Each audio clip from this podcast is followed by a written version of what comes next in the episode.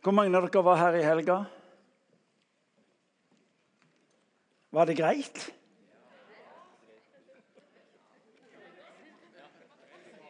Veldig bra. Det er ikke dårlig. Jeg har ikke om vi har noe bra i denne kirka. Eh, kanskje du har tenkt på eh, Dette er jo tredje gangen Randy Clark kommer tilbake. Og, og eh, han har i stor grad det samme temaet. Og det fokuset er helbredelse. Og, og da kanskje du tenker på at de, de, er jo i overkant interesserte i helbredelse, de folka i IMI. Eh, fordi at det er et tema som kommer igjen, og det er et tema som tydeligvis det jobbes med. Og det har du helt rett i. Eh, helga vi har hatt, har vi hatt fordi vi opplever det er viktig for oss å ta på alvor viktige bibelske anliggender. Hvis dette var viktig i Jesus sitt liv, må det også være viktig for kirka. Av det så spør vi ja, hva er viktig for kirka å gjøre. og da, da, tenker jeg Hva er det vi leser om han i evangeliene? Hva var det som var viktig for Jesus? Hva var det han vektla? Og det er faktum at Nesten 25% av beretningene i Nytestamentet eller evangelieberetningene omhandler helbredelse.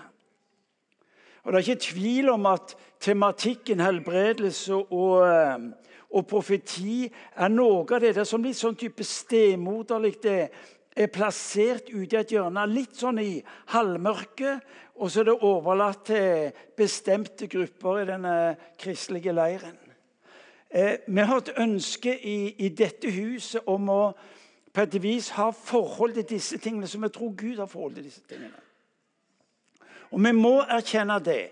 Spesielt inn i en lyttersk kontekst så er gavene, forholdet til det overnaturlige, det har trange kår. Svært trange kår. Når, eh, når eh, han Therese i sin tid studerte teologi i mer enn seks år Det er grådig lenge. Og så spurte jeg henne hvordan går det med forhold til det overnaturlige helbredelse og bønn for syke. Så sier hun nei, de, har, eh, de hadde én time i løpet av seks år. Så tenkte jeg dette er jo galskap. Kan ikke være sånn. Altså, Nytestamentet renner jo over. og hadde ikke vært for evangelieberetningenes formidling av det overnaturlige, så, ja, så hadde ikke folk kommet, kom strømmende fra hele Judea og Samaria for å høre på denne som var annerledes, fordi ryktet om han gikk ut. Og så har vi for nå fått lov til å starte instituttet som, som gir oss i samarbeid med Misjonshøgskolen anledning til å, til å eh, tilby en bachelorsgrad hvor vi bl.a. har sterk vektlegging på det overnaturlige. Og så spurte Bård Mæland, eh, eh, dekanus kjempekar som har mye godt samarbeid med fra Misjonshøgskolen, sa han, du, hvorfor i all verden må dere ha institutt og undervisning om helbredelse og profeti og disse tingene? Så fortalte jeg beretningen om han Therese om den ene timen. Og så ler Bård og så sier han, ja, vi har jo ikke den lenger, sa han. Fordi han som hadde han, han døde. Og han som hadde han, det var Ove Konrad Hansen, som var en del av dette huset. Hør nå. Hvis, hvis helbredelse hvis, hvis det overnaturlige er en viktig del av Bibelen, og vi våger å tro at helbredelsen er ikke primært helbredelse i seg selv, men en uh, synliggjøring av hva som ligger på Guds hjerte, så må det være viktig for oss òg. Og Hvis du nå lurer på ja, ja, tre ganger med samme mann, skal jeg fortelle deg vi har hatt mye undervisning om helbredelse. Men det går tregt. Men det gjør ikke så farlig det hvis du bar retningen. Fordi vi tror inn i en kultur som ikke lenger bryr seg om det vi har å si, men nettopp erfaringen av et Guds rike som slår ned, begynner å hjelpe folk å stille nye spørsmål. Derfor er det så viktig for oss å iverksette det vi har hatt. Og som har Randy Clark, som skal tale i kveld, han, eh, jeg opplever han, vi opplever han som en av de fremste autoriteter når det gjelder å undervise, gi oss prinsipper for hvordan dette kan se ut, og de gode og sunne praksisene. Så hermed er du invitert til å være med og fortsette å lære, fortsette å leve i det slik at de som er ut forbi, kan stille ham nye spørsmål. De er trøtte av våre svar, folkens. De er trøtte av våre svar. Men de stiller nye spørsmål når de erfarer at Gud griper inn i livene deres og vil bety en forskjell. Så Det var det ene jeg hadde bare lyst til å minne oss på. Eh, det kommer flere helger. Eh, vi har hver tirsdag profetikurs. Hvis du ønsker å lære mer om dette, som var en så viktig del av Jesu liv, det profetiske, hver tirsdag fra 6 til 7, det er klart du bør være der. Satte opp i neste kurs på tirsdag. Jeg skal undervise. Det kan til og med bli bra. De som har gått og sier dette er faktisk til stor hjelp. Og så er det igjen med et ønske om at våre liv skal få lov til å bære med seg det som har med Han å gjøre. Fredag morgen kom jeg tilbake fra Bangkok, Thailand. Vi har hatt en summit. Eh, det vil si vi har hatt en samling av ledere. Og Det er òg rett og slett gysla kult å være med på. Altså, La meg si det slik, Denne menigheten vet ikke alltid hva den er med på. Er du med? Vi sier ja til én ting, og så blir det noe av en slik karakter at vi, litt lenger ned på veien så tenker du Hva i all verden er det vi holder på med?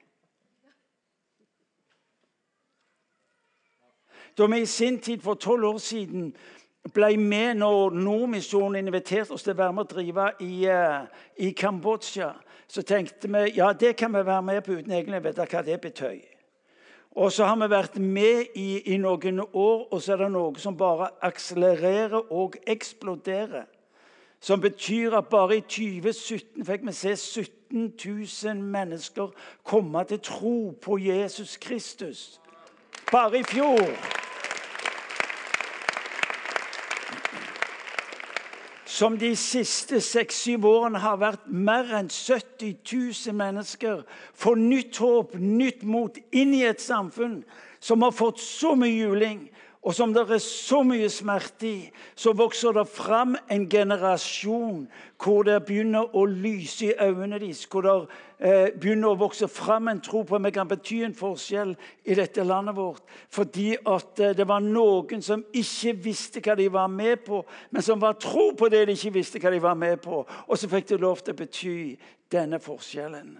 Så velkommen i huset, et sted hvor vi ikke alltid vi holder på med. Men hvor vi nyter gleden av å være en del av det. Vi hadde eh, eh, Agenda 1 Summit, Agenda 1, et menighetsnettverk som, som IMI driver, og som i en sum er med på å hjelpe menigheter til å disippelgjøre eh, kristne og istandsette menigheten til å nå lenger ut enn bare sin egen smale virksomhet. Vi kjente i fjor at vi skulle invitere eh, eh menigheter fra land som eh, enten drev med Agenda 1 I fjor var det tre land som drev med Agenda 1, og som opplevde en så stor forandring eh, i, i liv på det personlige plan og eh, i sin menighet. At eh, vi tenkte vi, vi må rydde plass for flere. Og etter hvert som vi planla, begynte mailene å komme inn. Vi har hørt om Bangladesh, Asia, kontoret til Nordmisjon. Du, vi, vi, vil gjerne være med på det dere holder på med, men dere vet jo ikke hva vi holder på med. Nei, men vi har hørt om det dere holder på med. Kan vi få lov til å være en del av det dere gjør? Får du mailen fra India, så får du mailen fra Pakistan. Presten som sier jeg er på dødsliste, jeg kan ikke lenger være der, men vi har hørt om hvordan dere er med på å hjelpe mennesker til å bety en forskjell. Eh, i kirke og i samfunn. Møtte disse tre fra Nepal, så kommer disse her festlige hattene sine. Men jeg så de første gang, så tenkte jeg her er det altfor varmt til å gå med hatt.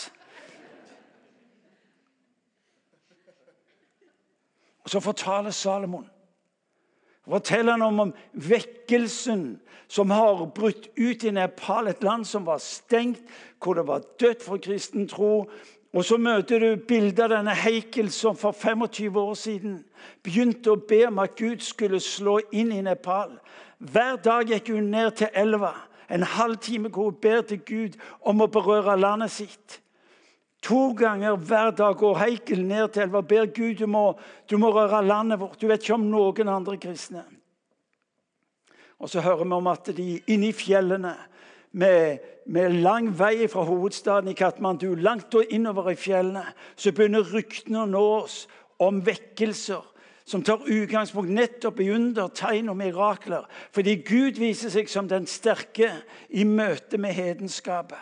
Og så er det tusener på tusener av ungdommer som kommer sammen fordi de har erfart et møte med en Gud som forandrer liv, og som gir dem håp og en fremtid. Satt de der med sine hatter, og så, og så tenkte de det er fornøyelig. Altså. Hva i all verden er det vi holder på med? Og så kommer mailene fra de forskjellige som sier vet du hva, vi, vi trenger hjelp til at eh, vi skal få lov til å se dette bredt videre ut. Og så tenker vi der vi møter de, vi var, 60, vi var 70 ledere i, i, eh, i, eh, i Bangkok med, med folk fra Myanmar, fra, Thailand, fra Kambodsja, fra, fra Filippinene, fra Vietnam. Og Der sitter det altså en flokk fra en liten pølsebod på Sør-Vestlandet og, og, er med på noe som, som, Gud tar oss inn i. Og det er et vitnesbyrd om at du skal ikke forakte det Gud vil ta deg inn i. Ikke begynn med regnestykkene på hvor du passer, får det til eller har forutsetning. For han vet sjøl hva han vil gjøre. Det viktigste i ditt i mitt liv er ikke primært hva du kan, men hvem du er sammen med. Og så er det det det kan vi få lov til å være med på. det dere holder på med. Og så ble det en veldig artig samling. Med, med, vi har jo ikke så mye penger. Så de som kom, de kom jo fra Los Angeles og de kom fra Norge. Men, sa men dere må betale det sjøl. Og dere kan ikke få honorar, for det har vi heller ikke penger til. Så, kom, så kommer de altså fra Los Angeles, kirkeledere. Legender fra Asia. Rune, Rune Edvardsson òg var med oss. Han er så begeistra for, for lutheranerne. Det er rett og slett fornøyelig. Ja, han er jo sånn han altetende, så han er kanskje ikke den verste av de. Men, men det å se folk i forskjellige land med et ønske om å bety denne forskjellen Det sies om vekkelsen i Afrika at den er én mil brei og sånn én centimeter dyp. Det er dette de opplever. De, vi trenger hjelp til å få lov til å se disipler og se menighetene vokse. Og så oppdager vi jo det, at når vi er sammen med kristne som kommer derifra, så er det ikke snakk om at det er vi som gir de. Jo, familieselskap. Det er at vi deler med hverandre. Og så får vi legge inn i hverandres liv det som løfter oss, og som får lov til å bety en forskjell. Så hvis du vil være med og se på hva Gud gjør, så meld deg på på turene i, i februar. Eh, vi reiser til eh, nesten kontinuerlig nå eh, i forskjellige sammenhenger til Asia. Meld deg på. Sørg for å bli en del av det. Fordi at En ting er det at du kan få lov til å bety der ute, men, men, faktisk hva det betyr av det de legger inn i ditt liv. Vet du hva? Det forvandler. Det er det som har vært med på å forvandle dette huset. Det At vi får lov til å erfare at disse legger inn i våre liv. Er dere med? Ja. Fenomenalt. Ja. Det ble ikke så fryktelig mye preiking. Det ble litt inspirasjon, men det, det gjør seg godt. Ja, ja, ja. Mye der de sier ja, dere andre dere er litt usikre på hva jeg holder på med. Eh, kjør på. Eh, det, er noe som har tatt meg de siste dagene, og som jeg opplever at jeg rett og slett bare litt sånn kort glimtvis og litt sånn type forenkla ønsker å ta dere inn i. Jeg, eh, de gamle reformatorene de hadde den formuleringen at 'bli hva du er'. Bli hvem du er.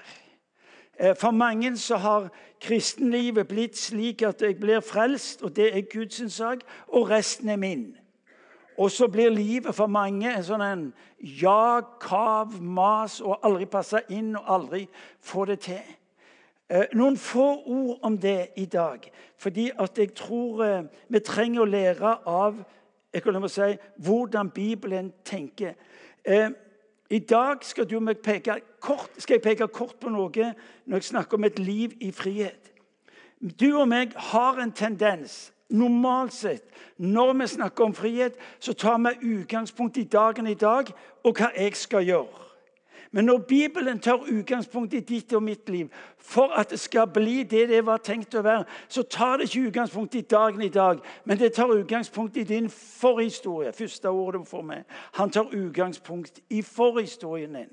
Fordi at skal du forstå dagen i dag, så er du nødt til å forstå på hvilken måte kommer jeg inn i denne verden. Menneskelig talt veldig forenkla. Når du fødes inn i denne verden, så fødes du med et DNA. DNA. Det vil si DNA sier eh, DNA sier egentlig to ting om deg. og Dette er veldig forenkla. Det forteller at du på den ene sida har en oppskrift i livet ditt som forteller deg hvem du er, og hva det blir. Det er altså lagt ned i livet ditt en type oppskrift. Ja, det er ikke min skyld. Det høres ut som sånne raketter og begeistring, men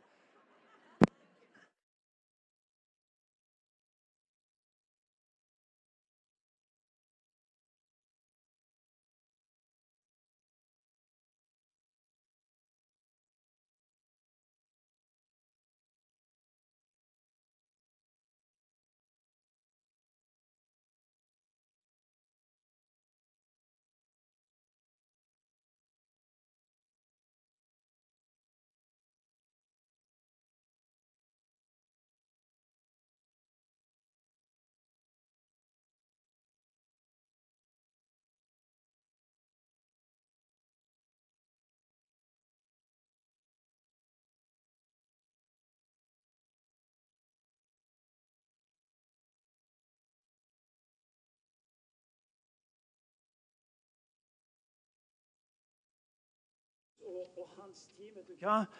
Det var det bare noen få av dere som hadde hørt. Men var ikke det bra? Come on, la oss gi en skikkelig klør.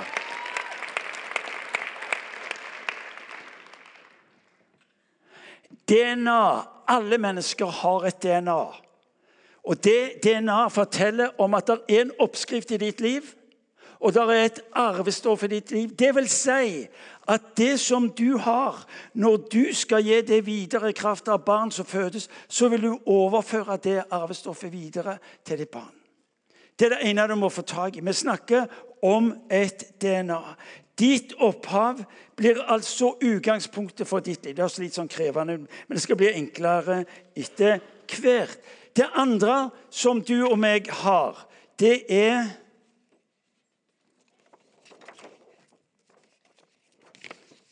Det er alltid greit å ha mange plakater. Det er verdier. Du får en startpakke. En startpakke som representerer eh, måtesett, eh, tankesett, eh, ferdigheter. Noe som ligger der som en type frø i livet ditt, som når du kommer til denne verden på basis av fødsel, så får jeg altså lov til å leve i og leve ut med verdier som jeg får med meg som arv. Verdiene får du både i kraft av hvor du kommer ifra, men verdiene er også noe jeg mottar i kraft av de menneskene som jeg er sammen med. Arv og miljø. Og så tar dette oss over i det vi vil kalle for praksis eller levd liv. Ser dere bokstavene? Ja. Se på det litt. Fordi at når vi snakker om et nytt liv, når vi snakker om identitet, så snakker vi om at vi som mennesker er født inn i et fellesskap. Det finnes ikke mennesker som kan fungere eller overleve i en isolert tilværelse. Så menneskelig talt så fødes vi inn i et menneskelig fellesskap med forutsetninger som er gitt oss fra mor og far. Akkurat det samme som kristne. Sønner og døtre er du og meg født av den levende Gud. Vårt DNA. Vårt DNA med sin oppskrift for livet, med sine muligheter for reproduksjon, med å gi arven videre, det ligger i selve fødselspakken som barn av den høyeste Gud. Folkens, Dette er grassat viktig for dere å få tak i. Fordi når du blir frelst, så blir du frelst i kraft av noe som Gud gjør i livet ditt. Litt parentes. Det er litt utfordrende, fordi at spesielt som lutherske kristne så er vi vant med rettferdiggjørelsen ved tro, eh, ved tro. Rettferdiggjørelsen ved tro. Fordi dette var perla i Luthers teologi. Problemet vårt er at det reflekterer en rettsteologi. Det representerer et språk fra rettssalen. Denne han som var eh, uren, er nå blitt ren. Den her som var, eh, som var synder, er nå blitt gjort rettferdig. Men det er også en annen dimensjon som du og meg må få tak i. Nemlig at de som er av Guds ånd, er Guds barn. Så det betyr når du og meg tar imot Jesus Kristus, så er vårt DNA Guds DNA.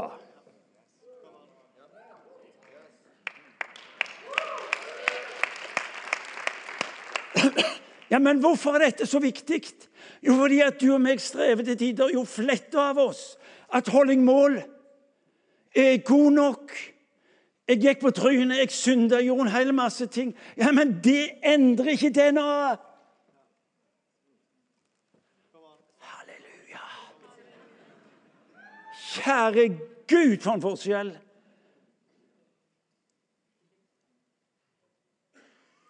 Han har lagt ned i deg sitt DNA, som han er i denne verden. Er vi i denne verden? Det er ikke slik at eh, når du og meg blir frelst som blir barn av Gud, ja, så overtar vi en tom kasse som du og vi skal fylle opp med det som er nødvendig kristelig.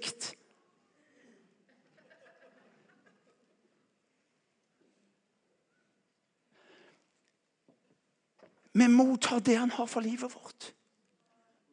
Er du med? Jeg har sagt oppskriften for livet vårt. Det, det han ønsker skal få lov til gjennom det, mottar du i fødselsgave.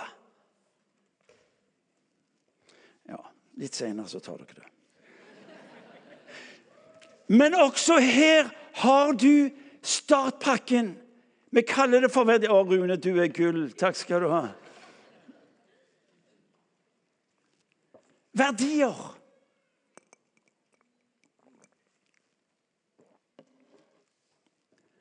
Det som er viktig, det som er ressursene, det som er Gud ønsker å se levd ut i ditt liv. Når, når Irene og meg får lov til å ha to jenter, så er vi opptatt når vi fikk disse to jentene som var ualminnelig vakre. Jeg skal ikke antyde opphavet. Det må være mora. Ja, de er vakre. Ja, de er det nå. Men hva er det vi får øye på? Vi får jo øye på karaktertrekkene. Vi får jo øye på det som vi ønsker å se, og som vi verdsetter i livene deres. Vi får øye på en type liv som vi tror de fikk med seg både gjennom en arv, men også gjennom det miljøet de får lov til å vokse opp med. Verdier, hva som er viktig, forutsetninger, kraft, ferdigheter, kjærligheten, godheten, tålmodigheten. Hør nå, det, det, er godt mulig du skal slutte med å be om å få det du allerede har fått. Verdier er det Gud har lagt ned i deg. Ikke fordi han tok utgangspunkt i din fromhet, men han tok utgangspunkt i det som han Ser du det? Som er en del av DNA-et ditt. Og Der ligger så mye frihet i det, for det tar ikke utgangspunkt i hva du forstår eller fått til, men hva du har fått lov til og mottatt. Og så blir livet vårt en praksis hvor vi lever ut dette livet. Få tak i dette nå. fordi at eh, mange, mange som er Jesus etterfølgere, de, de, strever med å våge å tro at eh, de er Guds barn. Hør nå, Du er et Guds barn fordi du er født av Hans ånd. Og så vet du, når du hører at det, i den startpakken eller fødselspakken, så fikk du det du trengte. Og så skal jeg få lov til å leve dette her ut daglig, forsiktig, prøvende, feilende. Men når du og meg våger å leve det ut, så er det noe som blir til liv. Det er et faktum at når Hanne Therese, vår yngste datter, skulle lære å spille piano Hun hadde noe der inne som mor og faren ikke hadde. Noe av disse ferdighetene tilnærmet til, til musikk. Altså, hun hører en sang én gang, så kan hun både den og den andre sangen utenat med en gang. Er du med? Mens vi strever med å kunne ha første setning. Men, men, så er det noe som er der. Og så er det et banalt bilde. Men jeg husker første gang hun hadde vært og lært å skulle ta ut disse ferdighetene hun hadde. Og så satt hun der og spilte, og det var jo så stivt og unaturlig. og det var ikke måte på. Så sier jeg Hør nå, skal du sitte og spille sånn? Og så sier hun ja. Ja, men det ser veldig rart ut. Ja, men det er sånn pianolæreren Ja, OK. Du diskuterer ikke med hva andre har sagt som foreldre. Nei, jeg gjør ikke det. Det var ikke imponerende. Men i dag, nå har jeg fått lov til å være i det, blitt oppmuntra på det, øve i det, praktisere det vet du hva? Hun er verken stiv i ryggen eller har dette litt sånn hjelpeløse preget på henne. Altså nå, nå bare flyter det. Fordi hun har valgt, hun har våget å leve ut det som hun hadde der inne, gitt av mora i fødselen.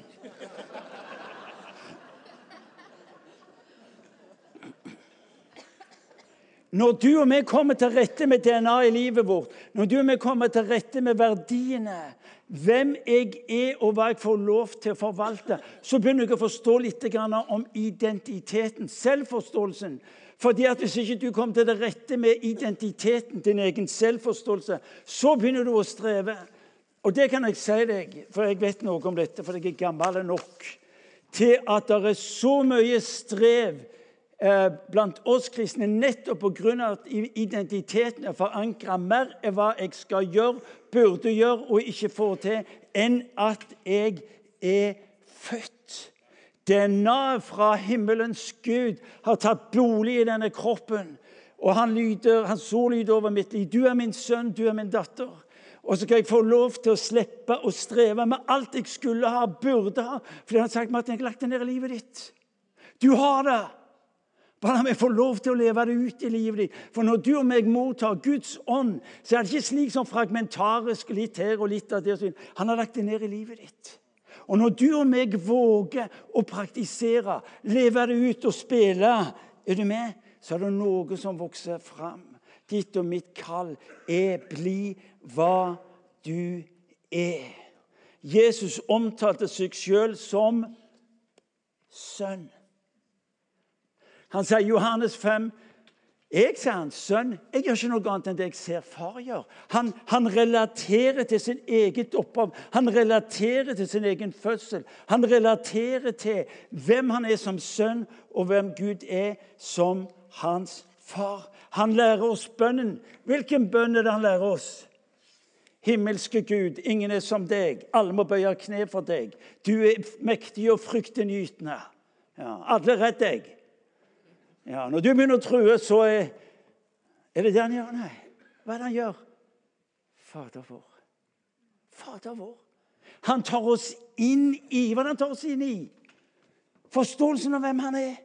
Hvem du og meg Og så sier Peter, den oppløste guttungen, vet du, så sier han, lær oss å be. Fader vår. Peter begynner å få tak i. Han begynner å forstå at det ikke er spørsmål om han, hva han kan gjøre, og hvem han kan ta, kappe ører av. Vi skal være glad for at det ikke var hodet han traff. Jesus setter det på plass. Har du, tenkt på det? Ja. Å sette ører på plass er jo én ting, men nå kan du se det også. Unnskyld, han. Han, mente, han mente det ikke.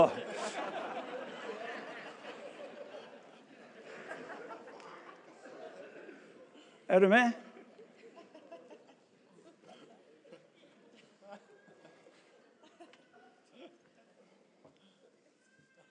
Bli hva du er. Bli hva du er. Min identitet, er den barnets identitet, eller er den synderens? Og jeg er klar over jeg dunker borti noe av reformasjonens klare utsagn. Ja, gjerne det. Så får du sjanse til å tenke på noe. Stemmer det når alt det han sier? Det er ikke så farlig om det ikke stemmer alt. For hvis det ikke stemmer alt, så får jeg deg til å begynne å tenke litt. Og hvis jeg får deg til å tenke litt, så er det i seg selv egentlig gysla fornuftig. Men mitt spørsmål hvor er det du har din identitet? Er det som barn eller som synder? Ja, det vet jeg fra eget liv at det var så mange år i mitt liv hvor kampen var å leve riktig. Kampen var å ikke gjøre feil ting. Kampen var å gjøre de rette tingene. Å, kjære Gud, hvor det har vært en kamp i livet mitt. Til en dag skjønte Hør, Martin. Du er min sønn. Du er min sønn. Og så er det akkurat som det blir som paradigmeskifte. For jeg skal slippe å minne vår Herre om alt som burde vært annerledes i livet mitt. Vet du hva? Eh, igjen disse to berømte jentene som vokste opp i vårt hus. Det er et faktum at så lenge de bodde i mitt hus eller vårt hus, hørte jeg aldri bønnen 'Pappa, kan du hjelpe meg til å leve et liv som er annerledes?' Som er bedre? Som gjør at jeg kan respektere Aldri var det spørsmålet! For de var barn.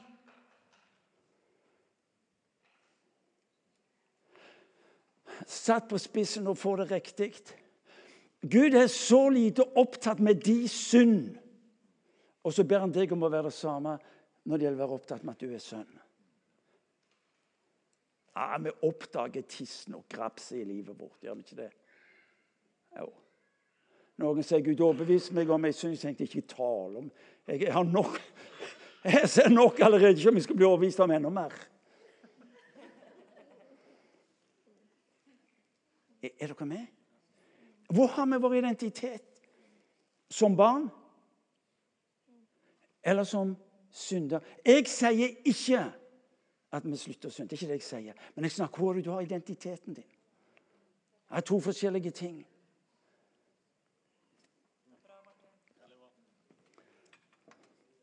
Et faktum dere har hørt meg si det, er faktum igjen, disse to jentene. Altså, de eh, de oppførte seg helt annerledes enn alle andre unger i den gata. Ja. Når de kom hjem første de gjorde, var jo å gå til kjøleskapet. Ta ut det de ville ha, nøyde. Det var ikke alltid de takket engang. Nei. Dårlig oppdragelse. Et eller annet. Ikke en eneste gang opplevde vi at ungene, de andre ungene i gata kom hjem til vårt hus, åpna kjøleskapet og forsynte seg. Hvorfor gjorde de ikke det? Fordi de var ikke barn av huset.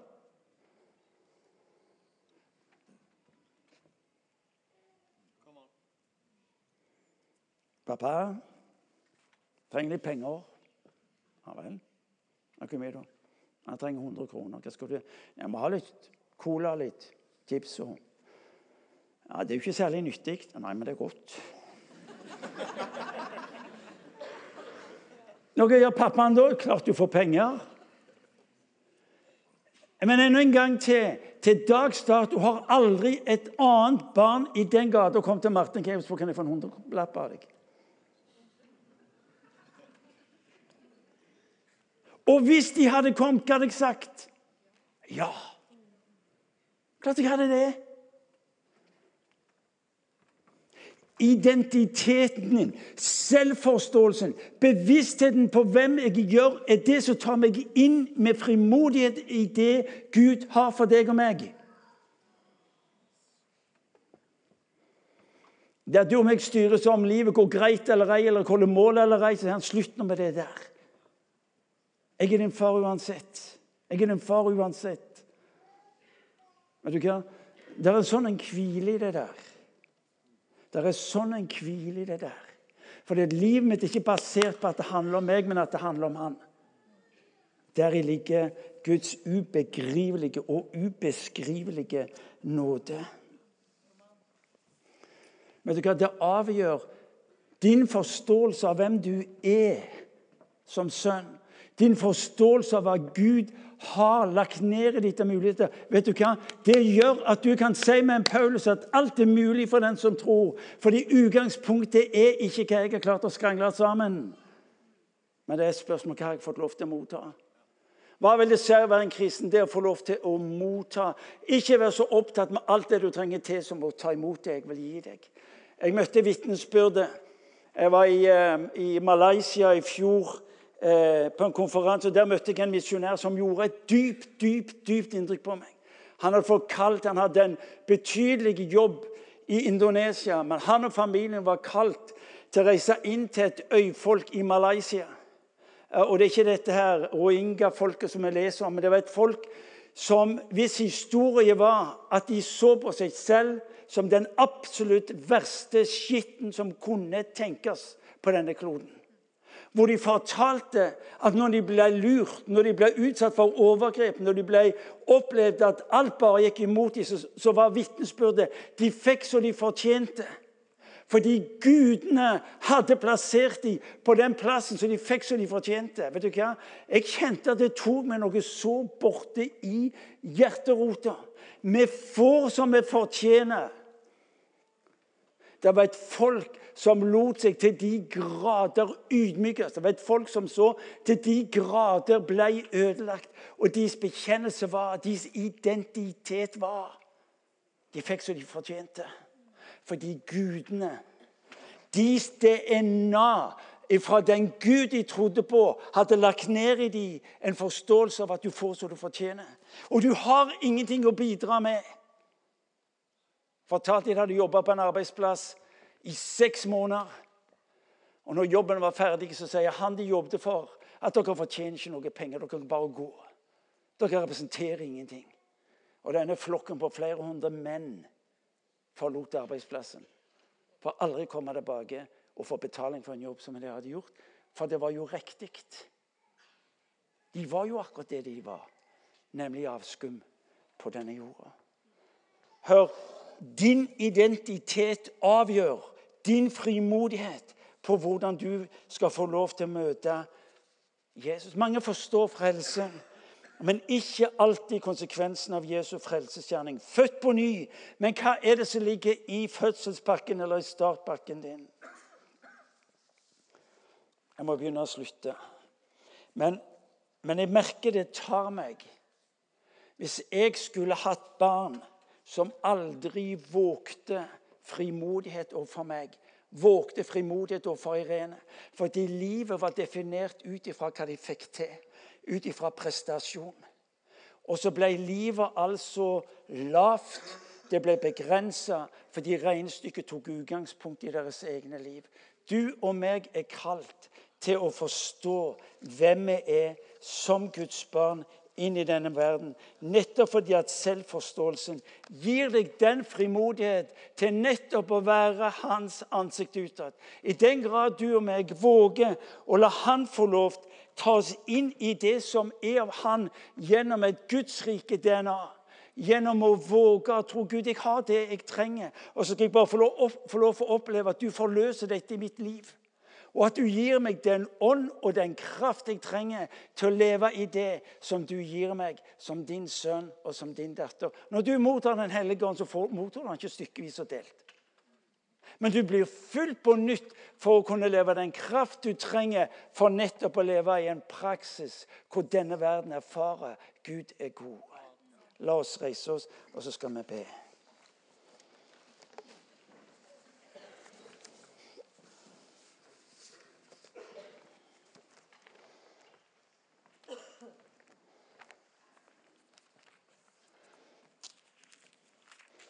Paulus i romerbrevet tar oss inn i dybdene i Guds ord, men også hva som er Guds forhold til deg og til meg.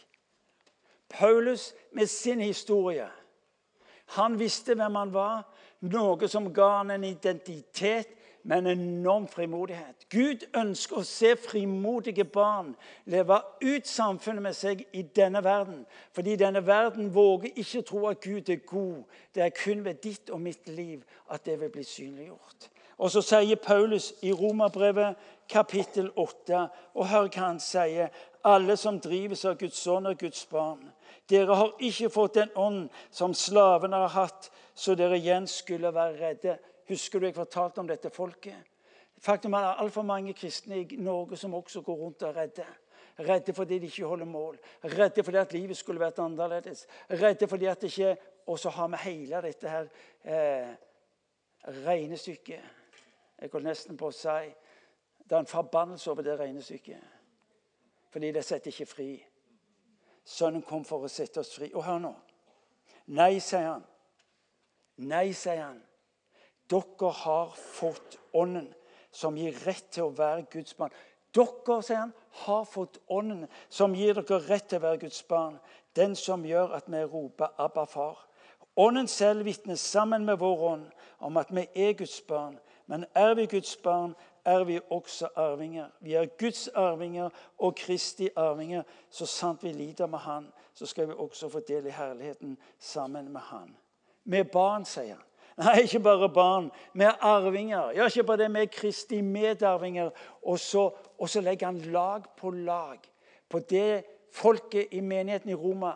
Lag på lag fordi at de får tak i at de er sønner ved Guds ånd. At de får tak i at Gud har gitt dem det de trenger for å bety denne forskjellen og leve ut et Guds rike liv som han lengter å forløse. Og så vet du og meg at vi ved å leve det ut berøre denne verden, slik at flere vil våge å tro at Gud er god. Så la oss be. Kjære Herre Jesus Kristus. Jeg takker deg fordi du er mellom oss som den som kom for å sette fri. Herre, jeg ber om at du skal eh, forløse av din denne ånd, denne barnekårets ånd, denne ånd som, som, gir oss og hjelper oss til å skjønne at vi er barn, sønner, døtre. At du har erklært og proklamert over oss at du er vår far. Far, vi, vi takker deg fordi du er mellom oss som den som elsker. Far, jeg takker deg fordi du kalte oss ikke til å være slaver. Du kalte oss, Herre Jesus, ikke til å være mennesker som aldri vågte. Men du har, Jesus, gjenfødt oss inn i denne verden til nettopp å være et avbilde av hvem du er. For du er ingen slave. Du er ikke en som bindes, Herre. Du har lagt ditt liv ned den enkelte av oss på en slik en måte at folk skjønner at du er god. Far, vi ber om det i ditt navn. Kom til den enkelte av oss her vi står. Vi ber, far. Vi ber, far. La oss få lov til bare å omfavne det som du gir, og som du løser ut i den enkeltes liv. Herre Jesus Kristus, kom.